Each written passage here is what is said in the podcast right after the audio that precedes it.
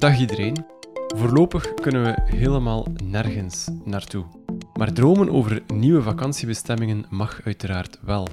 En waarom niet zeer exotische bestemmingen buiten onze planeet? Wanneer gaan we bijvoorbeeld op vakantie naar de maan? Ik vraag het aan astrofysicus en pilote Nancy Vermeulen.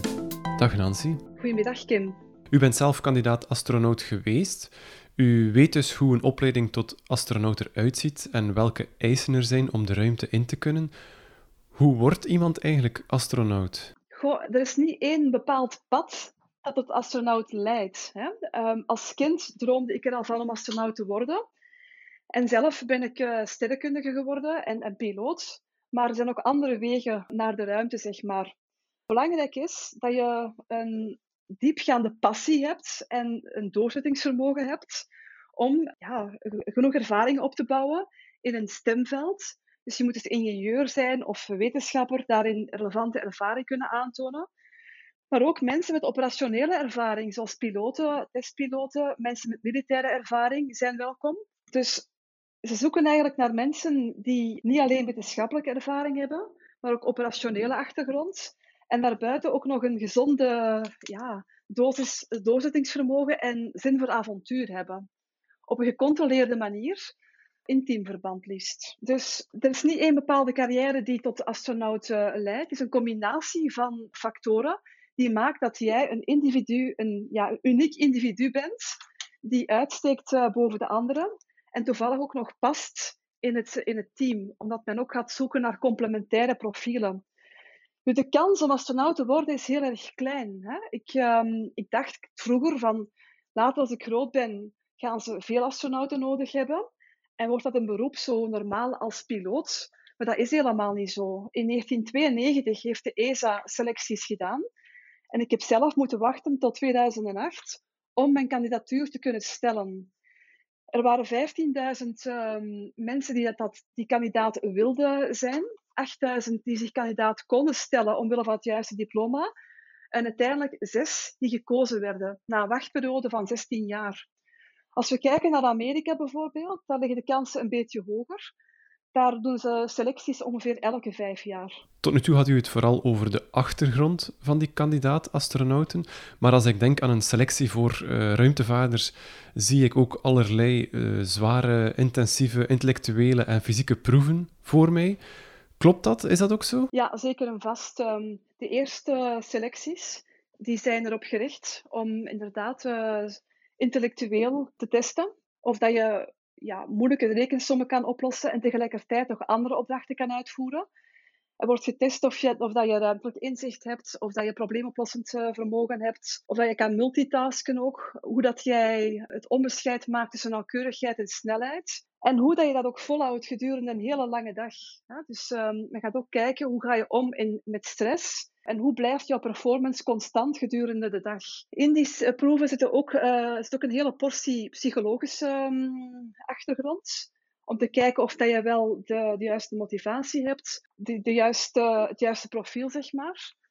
En wat fysieke proeven betreft, moet je geen topatleet zijn, maar toch een, uh, een gezond doorzettingsvermogen hebben. Als je kijkt bijvoorbeeld naar de huidige ruimtevluchten aan boord van TSS, die zijn heel anders dan enkele tientallen jaren geleden. Bijvoorbeeld Dirk Vriemhout, die is tien dagen in de ruimte geweest. Vandaag blijven astronauten zes maanden in de ruimte. Dat vraagt een heel ander uh, fysiek en mentaal doorzettingsvermogen dan korte ruimtevluchten. Aan boord van TSS moet je dus inderdaad in groep gedisciplineerd, uh, geconcentreerd kunnen blijven werken en gemotiveerd blijven gedurende zes maanden. En ook ja, uh, blijven presteren en heel gefocust blijven tijdens hele uh, uitdagende missies zoals een ruimtewandeling.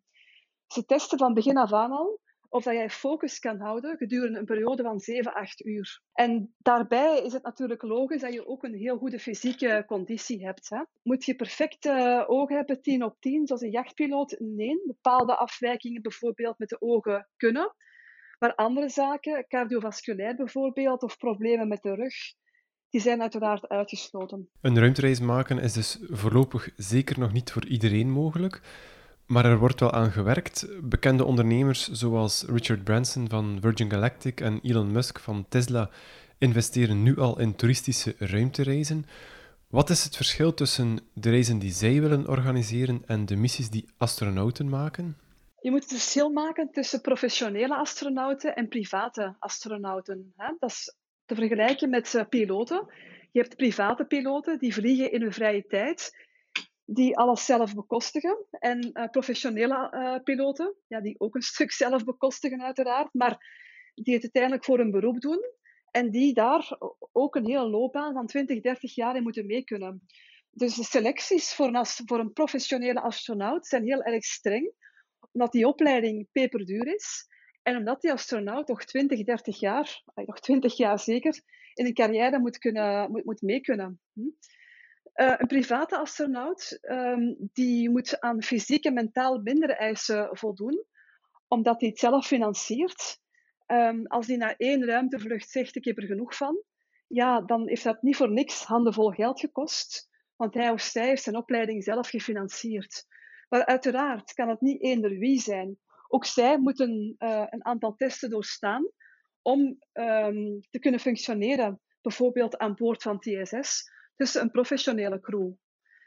Um, mensen die uh, als toerist aan boord van het ISS geweest zijn, die hebben ook een stukje professionele opleiding gekregen. Um, bijvoorbeeld Gila Liberté. Hè, en dat, dat soort mensen die miljoenen hebben neergeteld voor een kort verblijf aan boord van TSS, zijn ook in de professionele installaties een stukje getraind uh, geworden, samen met de crew. Maar de ruimtevluchten die bijvoorbeeld Richard Branson gaat aanbieden, die zijn van een heel ander, of, of Jeff Bezos met uh, Blue Origin, die zijn van een heel ander kaliber. Dat zijn suborbitale vluchten, waarbij je maar ja, enkele minuten in de ruimte bent, een ruimtesprong maakt en dan terug naar de aarde komt. dat duurt, de hele ervaring duurt maar enkele uren. En die voorbe daarvoor voorbereid worden, ja, dat, uh, dat vond ik nergens niet. Ik vond geen plek om je daarop voor te bereiden. Nochtans is het ook heel belangrijk. Vandaar ook mijn motivatie om die Space Training Academy op te richten. U richtte inderdaad uw eigen Space Training Academy op. Wat doet u daar precies en wie zijn uw leerlingen? Ik um, target eigenlijk twee doelgroepen. Enerzijds mensen die bereid zijn te investeren in zo'n ticket bij Blue Origin of Virgin Galactic om als pionier de ruimte in te gaan. Maar anderzijds ook mensen die nog niet in staat zijn om zo'n ticket te kopen, maar wel willen proeven van de ervaring van zo'n ruimtetraining. En dat komt voor veel mensen wel uh, binnen bereik. Bijvoorbeeld, ik heb een, een, man gehad die twijfelde om een ticket te kopen voor Blue Origin of Virgin Galactic, omdat hij gewoonweg niet wist of dat hij het wel aankon, fysiek en mentaal. Hoe reageer je bij hoge versnellingen? Hoe ervaar je gewichtloosheid? Um, ja, hoe ga je om met uh, meerdere mensen in een kleine cabine? Achtergrondinformatie is ook heel belangrijk. Die eerste pioniers die 250.000 dollar of meer gaan geven voor zo'n ticket, dat worden uw ambassadeurs. Hè? Elke astronaut tot hiertoe uh, is een ambassadeur voor de, voor de hele sector.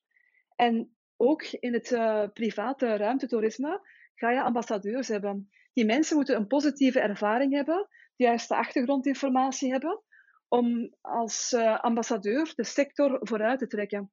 Dat kan je vergelijken met een evolutie die we gezien hebben na Wereldoorlog 2. Toen konden enkel superrijke pioniers geld geven om een uh, vliegtuigreis te maken. En vandaag is de luchtvaart toegankelijk voor ons bijna allemaal. Dat is alleen maar kunnen gebeuren omdat die eerste pioniers een positieve ervaring hebben gehad. En ja, ook het vertrouwen van investeerders hebben kunnen vinden om um, op te schalen en uit te breiden. Zodat de eerste luchtvaartmaatschappijen konden ontstaan. En zo de hele bevolking daarin betrekken en een socio-economische verschuiving teweeg brengen.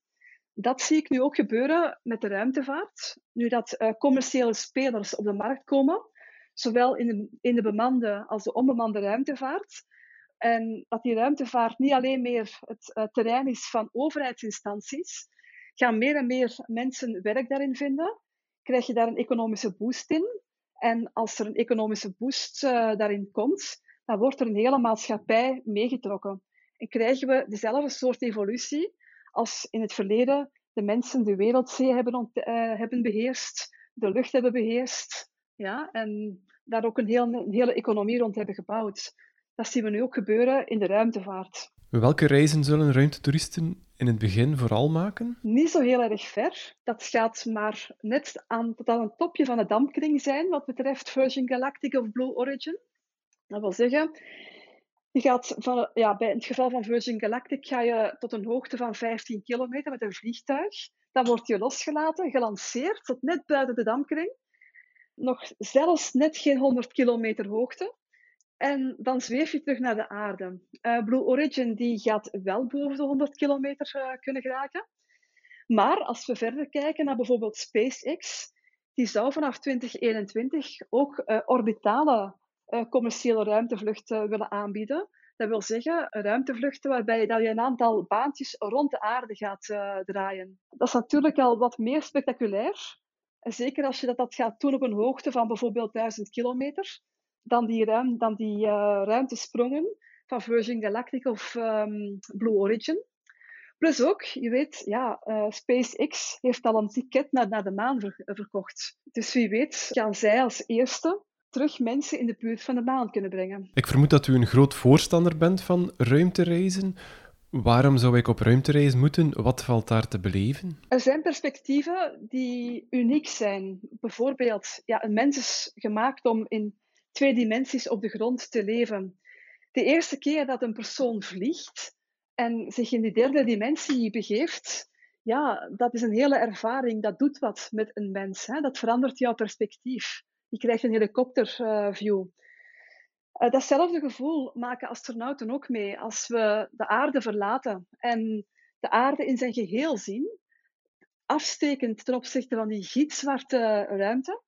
En in één blik alles, maar ook alles wat er ooit geleefd heeft doorheen heel de geschiedenis van het primitieve leven, door de dinosauriusperiode heen, de industriële revolutie tot nu, bevindt zich op een plek die in één op oogopslag kan zien, omgeven door een heel fragiele blauwe atmosfeer.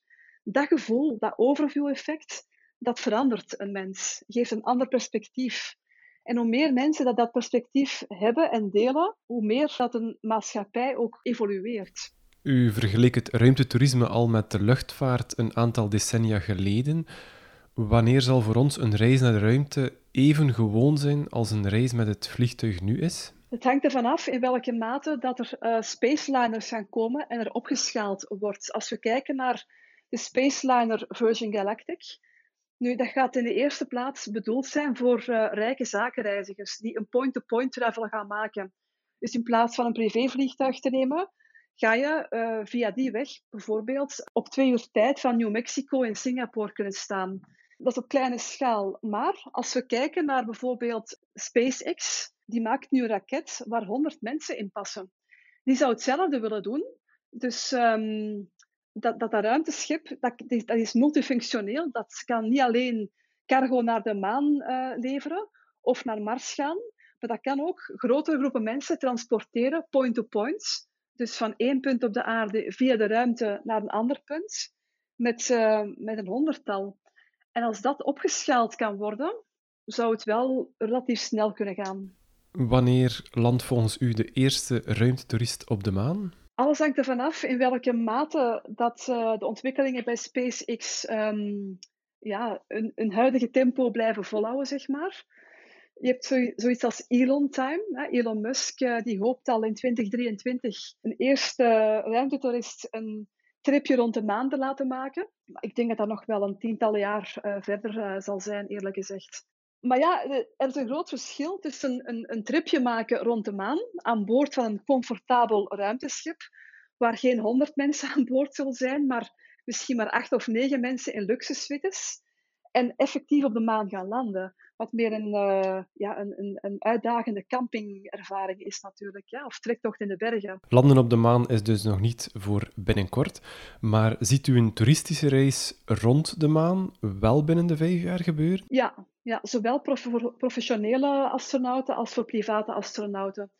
Maar ik zeg het nogmaals, een tripje doen door de ruimte, rond de maan vliegen en terug, is van een heel ander kaliber dan effectief op de maan gaan landen. Ik zie echt de komende 10, 20 jaar geen ruimtetoeristen landen op de maan of Mars. Dat niet. Kunt u een idee geven van hoe zo'n reis naar de maan zou verlopen? Stel dat ik mee zou gaan? Goh, de enige mensen die, die, die daarover kunnen meepraten zijn de Apollo-astronauten van eind jaren 60, begin jaren 70 uiteraard. Ik denk dat dat een heel uh, bangelijke ervaring is. In die zin, als je aan boord van TSS bent of zo, dan heb je nog steeds het zicht op de aarde. Als je heimwee zou krijgen, kan je nog ben je nog heel dicht uh, bij die aarde en op een halve dag sta je terug op de grond. Een reis naar de maan, dat duurt al een tiental dagen. Dus je bent niet zomaar onmiddellijk uh, terug op je, op je thuisplaneet. Ook de connectie met de aarde vervaagt als je die aarde kleiner en kleiner en kleiner ziet worden. Dat moet een hele ja, disconnecterende ervaring zijn, denk ik. En ik weet niet of iedereen daarvoor geschikt is om zo'n ervaring mee te maken. De volgende stap dan, nog een veel extremere reis, is een reis naar Mars. Op welke termijn ziet u een Marsreis eraan komen, zowel door professionele ruimtevaarders als door toeristen? Wel, alles zal afhangen natuurlijk nu met uh, die coronacrisis, de economische crisis ook, hoeveel geld er nog gaat uh, besteed worden in die maan- en Marsprogramma's. Amerika heeft natuurlijk nu heel zware economische zorgen. Tot hiertoe hoor je nog geen afgelastingen of uitstel. Maar uiteraard is er wel uitstel, omdat er nu niet continu uh, aan die SLS-raket kan doorgewerkt worden. De Chinezen daarentegen, die gaan ook uh, in cadens vooruit. En ik kijk eigenlijk naar China, misschien meer als referentie. Die plannen een maanbasis in de jaren 30. En ik denk dat dat wel een realistisch uh, scenario is. Nu, parallel van het uitbouwen van een basis op de maan, ga je natuurlijk verkenningsvluchten hebben met mensen rond, de, rond Mars.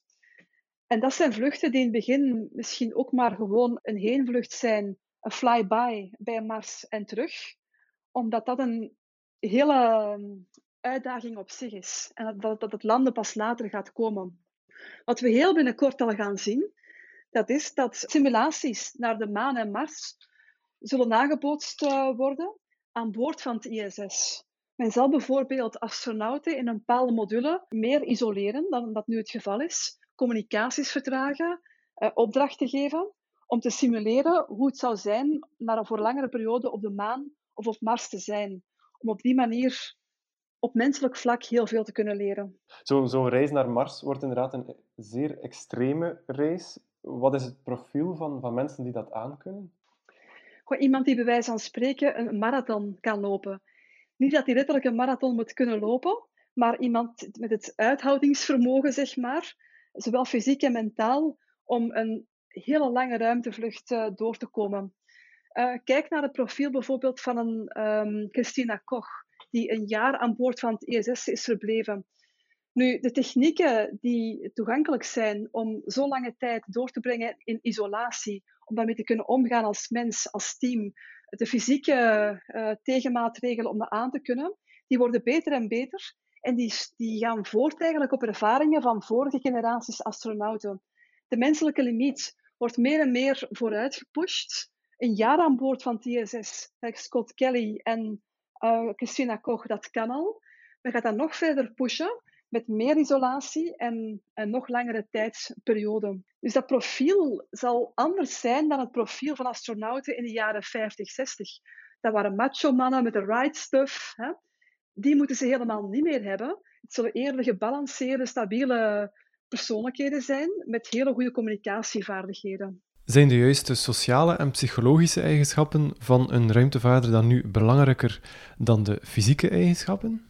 Absoluut uh, wel. Het fysieke is natuurlijk ook een uitdaging. In die zin, ja, tot hiertoe aan boord van het ISS heb je te maken met de gevolgen van gewichtloosheid, die voor een groot stuk worden tegengegaan door oefeningen te doen elke dag, uh, door genoeg uh, lichaamsbeweging. Alhoewel er nog gevolgen zijn die uh, men nog niet goed uh, onder controle heeft. Denk maar bijvoorbeeld aan de vloeistoffen in de hersenen die ophopen. Die, de doorstroming cardiovasculair in, de aderen, die niet um, loopt zoals het moet. Die tot bloedklontering kan leiden bijvoorbeeld. Ja, het, het krijgen van problemen met het zicht. Dat zijn zaken die men nog meer onder controle moet krijgen. Maar een hele grote uitdaging ligt in uh, straling. Hè. Aan boord van TSS ben je nog steeds beschermd door het magneetveld van de aarde tegen uh, uitbarstingen van de zon en kosmische uitbarstingen. Als je die omgeving verlaat richting Mars, dan ga je een hele hoge dosis straling uh, op je heen krijgen. En daar is nog, men nog niet volledig uit hoe men dat probleem kan oplossen. Men zal ook gaan zoeken naar profielen die genetisch geschikt zijn. Bepaalde mensen zullen gevoeliger zijn voor straling dan, dan anderen. En in de toekomst zullen astronauten geselecteerd worden op genetisch uh, profiel ook. Voor straling, voor aftakeling van spieren en, en um, andere um, afwijkingen. Maar ook, men zou genetisch kunnen gaan kijken hoe iemand reageert op het gebrek aan zonlicht bijvoorbeeld. Gebrek aan daglicht gaat heel jouw systeem in, in de war brengen. Als je geen onderscheid meer kan hebben tussen dag en nacht, kan de aanmaak van melatonine in het gedrang komen. Uh, krijg je een andere respons van het immuunsysteem. En sommige mensen zijn daar gevoeliger voor dan andere mensen. De gecombineerde effecten van het gebrek aan zwaartekracht, het gebrek aan uh, zonlicht, afzondering, straling, ja, dat maakt of iemand geschikt is of niet. De fysieke en mentale uitdagingen zijn enorm groot. Is het eigenlijk wel realistisch om een mens naar Mars te sturen? Kunnen we dat eigenlijk wel aan? Ik ben van overtuigd van, van wel, omdat een mens uh, een ongelooflijk uh, creatief en flexibel wezen is. En eigenlijk zijn we sterker dan we allemaal denken. Kijk maar nu in tijden van corona. Zou je dit scenario geschetst hebben een jaar geleden? Dit leek onoverkomelijk, maar eens dat je er nu in zit, gaan we toch maar, uh, toch maar door. We passen ons heel snel aan. En voor elk uh, deelprobleem komt er een oplossing. He, voor probleem bijvoorbeeld met aan het gebrek van aan zwaartekracht, ga je oefeningen kunnen doen. Voor het stralingsprobleem zal men, is men ook aan het werken aan oplossingen. Voor het, uh, het, isolatieprobleem werkt men ook aan oplossingen. Voor het gebrek aan dag en nacht, melatonine en zo, werkt men ook aan oplossingen. Dus voor elk deelprobleem is er een, zijn er hele slimme uh, mensen aan het werk om dat, op te, om dat probleem, proberen op te lossen. En als je het uiteindelijk allemaal samenvoegt, dan kom je er wel. Wie had kunnen denken vandaag de dag, in 2020, dat mensen een jaar lang in de ruimte verbleven? Als we 60 jaar uh, terugkijken, wisten nog niet eens of men in staat was om als mens te overleven in de ruimte. Dat is een heel, toch een ongelooflijke evolutie geweest. Je zou je ook kunnen afvragen, waarom willen we eigenlijk naar Mars? Waarom willen we fysiek naar Mars? Als ik aan Mars denk, dan zie ik een onleefbare en eindeloze woestijn voor me. Wat hebben we daar eigenlijk te zoeken? Pionieren zit gewoonweg in ons menselijk DNA. Enfin, in het DNA van het leven zelf, zeg maar als je kijkt naar het primitieve leven, welke extreme omgevingen dat die opgezocht hebben, welke extreme omgevingen dat we nu vinden waar leven gedijt. Het is nodig om als mens je comfortabele omgeving te verlaten en extreme te gaan opzoeken. In extreme zijn we op ons best, komen we tot, tot, tot vooruitgang, tot, tot samenwerking. En ja, die limieten stel, eh, stelselmatig verleggen, dat zit wel in ons DNA. Dat is altijd zo geweest. Het is juist in die exploratiemodus dat de grootste vooruitgangen gebeurd zijn. Op welke manier dat die gaan eh, gebeuren, dat kan je niet direct uh, meten. Maar oké, nu vandaag de dag rijden er robots rond op Mars. Hè, maar die kunnen niet voelen, die kunnen niet ruiken, die kunnen niet ervaren. Het zou toch zoveel anders zijn dat een mens nu op Mars zou staan, zou kunnen ervaren, voelen wat dat hij meemaakt. En door die gedeelde emotie wordt een hele planeet, een hele samenleving, wordt een hele collectieve menselijke intelligentie aangesproken. En dat is ook zo belangrijk. Daar onderscheiden wij ons als soort ook in van andere soorten. Tot zover het reizen naar de maan en Mars. De volgende stap is waarschijnlijk verhuizen. Waarom hebben we nu eigenlijk nog geen permanente basis op de maan bijvoorbeeld? Als we kijken naar de maanreizen van de jaren 60 en 70, men had toen de technologie om naar daar te gaan, maar nog niet de technologie om daar een permanente bemande basis uh, uit te bouwen. Men had bijvoorbeeld geen ervaring met langdurige verblijven in de ruimte. Um, men had geen ervaring met uh, het maken van uh, modules op, op andere plaatsen. Vandaag de dag beheersen wij technieken om met 3D-printing bijvoorbeeld constructies op de maan te gaan maken. We weten bijvoorbeeld ook dat op de maan water is, wat men vroeger ook nog niet met zekerheid wist. Dus we weten dat we op de maan zelf de grondstoffen kunnen vinden die we nodig hebben om te overleven. Uit water kunnen we uh, zuurstof maken, maar ook raketbrandstof bijvoorbeeld. Men, men, beheerst ook de technieken om een circulaire habitat te maken, dus om uh, grondstoffen te recupereren in een circulair uh, systeem. Omdat elke grondstof die je van de aarde moet meenemen naar de maan, dat kost tonnen, tonnen energie en geld. De enige manier om een permanente basis uit te bouwen op een ander hemellichaam, te beginnen met de maan, dat is wat men noemt in situ resource utilization. Dus het gebruik van grondstoffen ter plekke. En vandaag de dag kunnen we dat ook. Ik vermoed dat de eerste zaken die we naar de maan sturen, dat dat machines zijn, genre 3D-printers, om met de grondstoffen ter plaatse uh, constructies te beginnen bouwen? Dat gaat in verschillende stappen gebeuren. Hè? Dus inderdaad, er zullen om te beginnen robots gestuurd worden naar de maan. Die uh, projecten lopen nu volop, vol. Er zijn projecten die commercieel uh, gestuurd worden, gesteund door overheidsinstanties, die heel veel metingen gaan doen. We willen nog veel meer te weten komen over het stof op de maan, over de interactie met de zonnestraling, het klimaat, als je het zo mag noemen, op de, op de maan, op eh, de manier waarop we het water uit de maan kunnen extraheren. Dus dat is de eerste fase, meer onderzoek. In een tweede fase gaan we proberen terug een mens op de maan te laten landen. En in een derde fase daarin eh, laten landen met een, um, ja, een habitat die van op de aarde zal meegestuurd uh, worden. En pas in een latere fase zal er een habitat gebouwd worden op de maan zelf. Ik vermoed dat het noodzakelijk zal zijn om op de maan zelf ons uh, voedsel te kweken? Uiteraard, ja. En als we kijken nu naar experimenten aan boord van het ISS, men beheerst nu meer en meer de technieken om planten onder extreme stress, bij gebrek aan, um, allee, bij uh, geen direct contact met zwaartekracht, toch te laten, um, te laten groeien. Ja, dat is absoluut een, een, een noodzaak. Ik vergelijk een maanbasis in de eerste plaats als een onderzoeksstation, zoals we hebben op, op Antarctica. In een ja, moeilijke omgeving, lange tijd overleven. Ik zie het niet als een plek waar veel mensen gaan wonen, maar meer als een onderzoeksstation om te onderzoeken hoe we als mens verder stappen richting Mars en op heel lange termijn interplanetair kunnen ondernemen.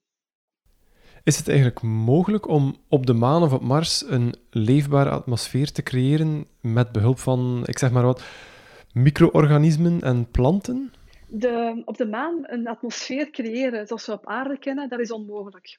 Maar wat je wel kan doen, dat is een soort van biosfeer maken. Een groot winkelcentrum, zeg maar, waar je voedsel kan kweken, waar je kan leven, kan werken, aan onderzoek doen. Dat soort um, constructies. Een moon village, dat is wel realistisch. En als men de nodige ervaring daarvan heeft uitgewerkt op de maan, kunnen we dat ook gaan doen op, uh, op Mars. Men gaat dan bijvoorbeeld een, um, een basismodule laten landen. Dan gaat men daar rond een, um, een inflatable tube uh, zetten. Dus eigenlijk een soort van ballon er rond plaatsen waar je kan uh, ademen. En rond die ballon dan laat men bijvoorbeeld um, ijs kristalliseren. Of dan nog een, een laagje rondprinten door 3D-printers om zich te beschermen tegen de gevaarlijke straling.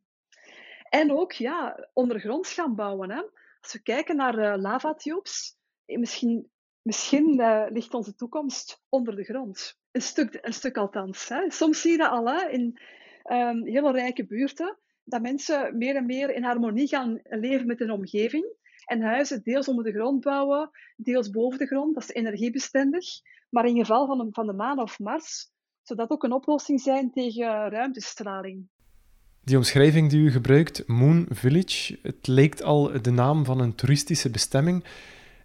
Zal het dat ook worden? Wordt die maanbasis op termijn een toeristische locatie? De ruimtevaart die we nu kennen, is niet meer de ruimtevaart van 50, 60 jaar geleden. De commerciële mm, sector is nu aanwezig en er zal geen uh, maanreis komen of geen Moon Village zonder uh, de commerciële insteek van, van bedrijven. Dat is sowieso van begin af aan zal dat, uh, zullen die betrokken worden. En je, zal ook bepaalde uh, firma's, bedrijven, commerciële toepassingen zien maken. Dat gebeurt nu al aan boord van het ISS bijvoorbeeld. Zijn er bedrijven die op een commerciële manier stamcelonderzoek doen, die uh, bepaalde medicijnen gaan uh, genereren of bepaalde isolatiematerialen. En dat zal zich ook uh, verschuiven naar de maan. Dus de commerciële impact zal onmiddellijk aanwezig zijn. De maan is ook heel erg interessant. Een kwestie van uh, het delven van zeldzame mineralen bijvoorbeeld. En die mensen zullen natuurlijk ook hun eigen vertegenwoordiger willen sturen. Dat is dan misschien geen professionele astronaut, maar iemand die ja, een soort opleiding krijgt om daar dan als werknemer te, te fungeren. Dus ik denk dat onderscheid professionele astronaut, uh, private astronaut, gaat een beetje vervagen um, als de commerciële impact groter gaat worden. Dat zie je nu bijvoorbeeld ook al um, met de plannen van Axiom. Hè. Dus Axiom die, uh, heeft nu een contract om een deel van het ISS te commercialiseren en daar bedrijven toe te laten die uh, gaan, ja, um, gaan produceren en die gaan ook hun eigen mensen daar naartoe willen sturen voor een bepaalde tijd, voor een maand bijvoorbeeld, om daar ja, als werknemer een tijdje te fungeren. Het toerisme zal uiteraard ook niet ontbreken. Tot slot nog een vraag die u waarschijnlijk heel vaak krijgt, maar ik moet ze toch stellen. Hier op aarde zijn er heel wat uitdagingen, niet enkel deze coronacrisis, uh, maar ik denk ook aan de klimaatverandering, bedreigde biodiversiteit, of uh, ziektes zoals kanker. Waarom zouden we zoveel tijd en geld investeren in een reis naar Mars als we hier nog zoveel uitdagingen hebben? De ruimtevaart is een, um, pioniersector. En het is, altijd, het is altijd zo dat fundamenteel onderzoek in pioniersectoren tot de grootste vooruitgang hebben geleid. Door heel, heen, heel de geschiedenis. De toepassingen die van de ruimtevaart naar de aarde zijn gekomen, die zijn zo diep in onze maatschappij doorgedrongen dat we ons echt geen leven meer kunnen voorstellen zonder. Ik denk maar aan telecommunicatie, multimedia toepassingen, GPS, Galileo, maar ook weersatellieten. Dus door onze planeet te bekijken van bovenaf weten we heel veel over het natuurlijk en economisch potentieel. Kunnen we de oceaanbodem bestuderen, de evolutie van visbestanden in het oog houden, de klimaatopwarming um, in kaart brengen natuurrampen opvolgen. Er zijn ook heel veel spin-offs uit de ruimtevaartindustrie, zoals de beeldverwerkingstechnieken in de medische sector bijvoorbeeld, zonnepanelen, isolatiematerialen enzovoort. Om nog maar te zwijgen van alle biotechnische toepassingen en toepassingen voor de mens. Want het is alleen maar zo, door het menselijk lichaam in extreme omstandigheden te bestuderen, dat we doorbraken kunnen tegenkomen, ook vooral biotechnologisch. Aan boord van TSS worden nu stamceltechnieken uitgetest, fundamenteel onderzoek gedaan naar het hart, naar het um, immuunsysteem, dat doorbraken kan geven voor kanker, voor uh, Alzheimer, leverziektes, noem maar op. Dat is on on ongelooflijk wat voor een vooruitgang die uh, fundamentele pionierswetenschap voor ons gaat uh, teweegbrengen. Dus blijven investeren daarin is um, ja, noodzaak om niet te blijven stilstaan, want stilstaan is achteruitgaan.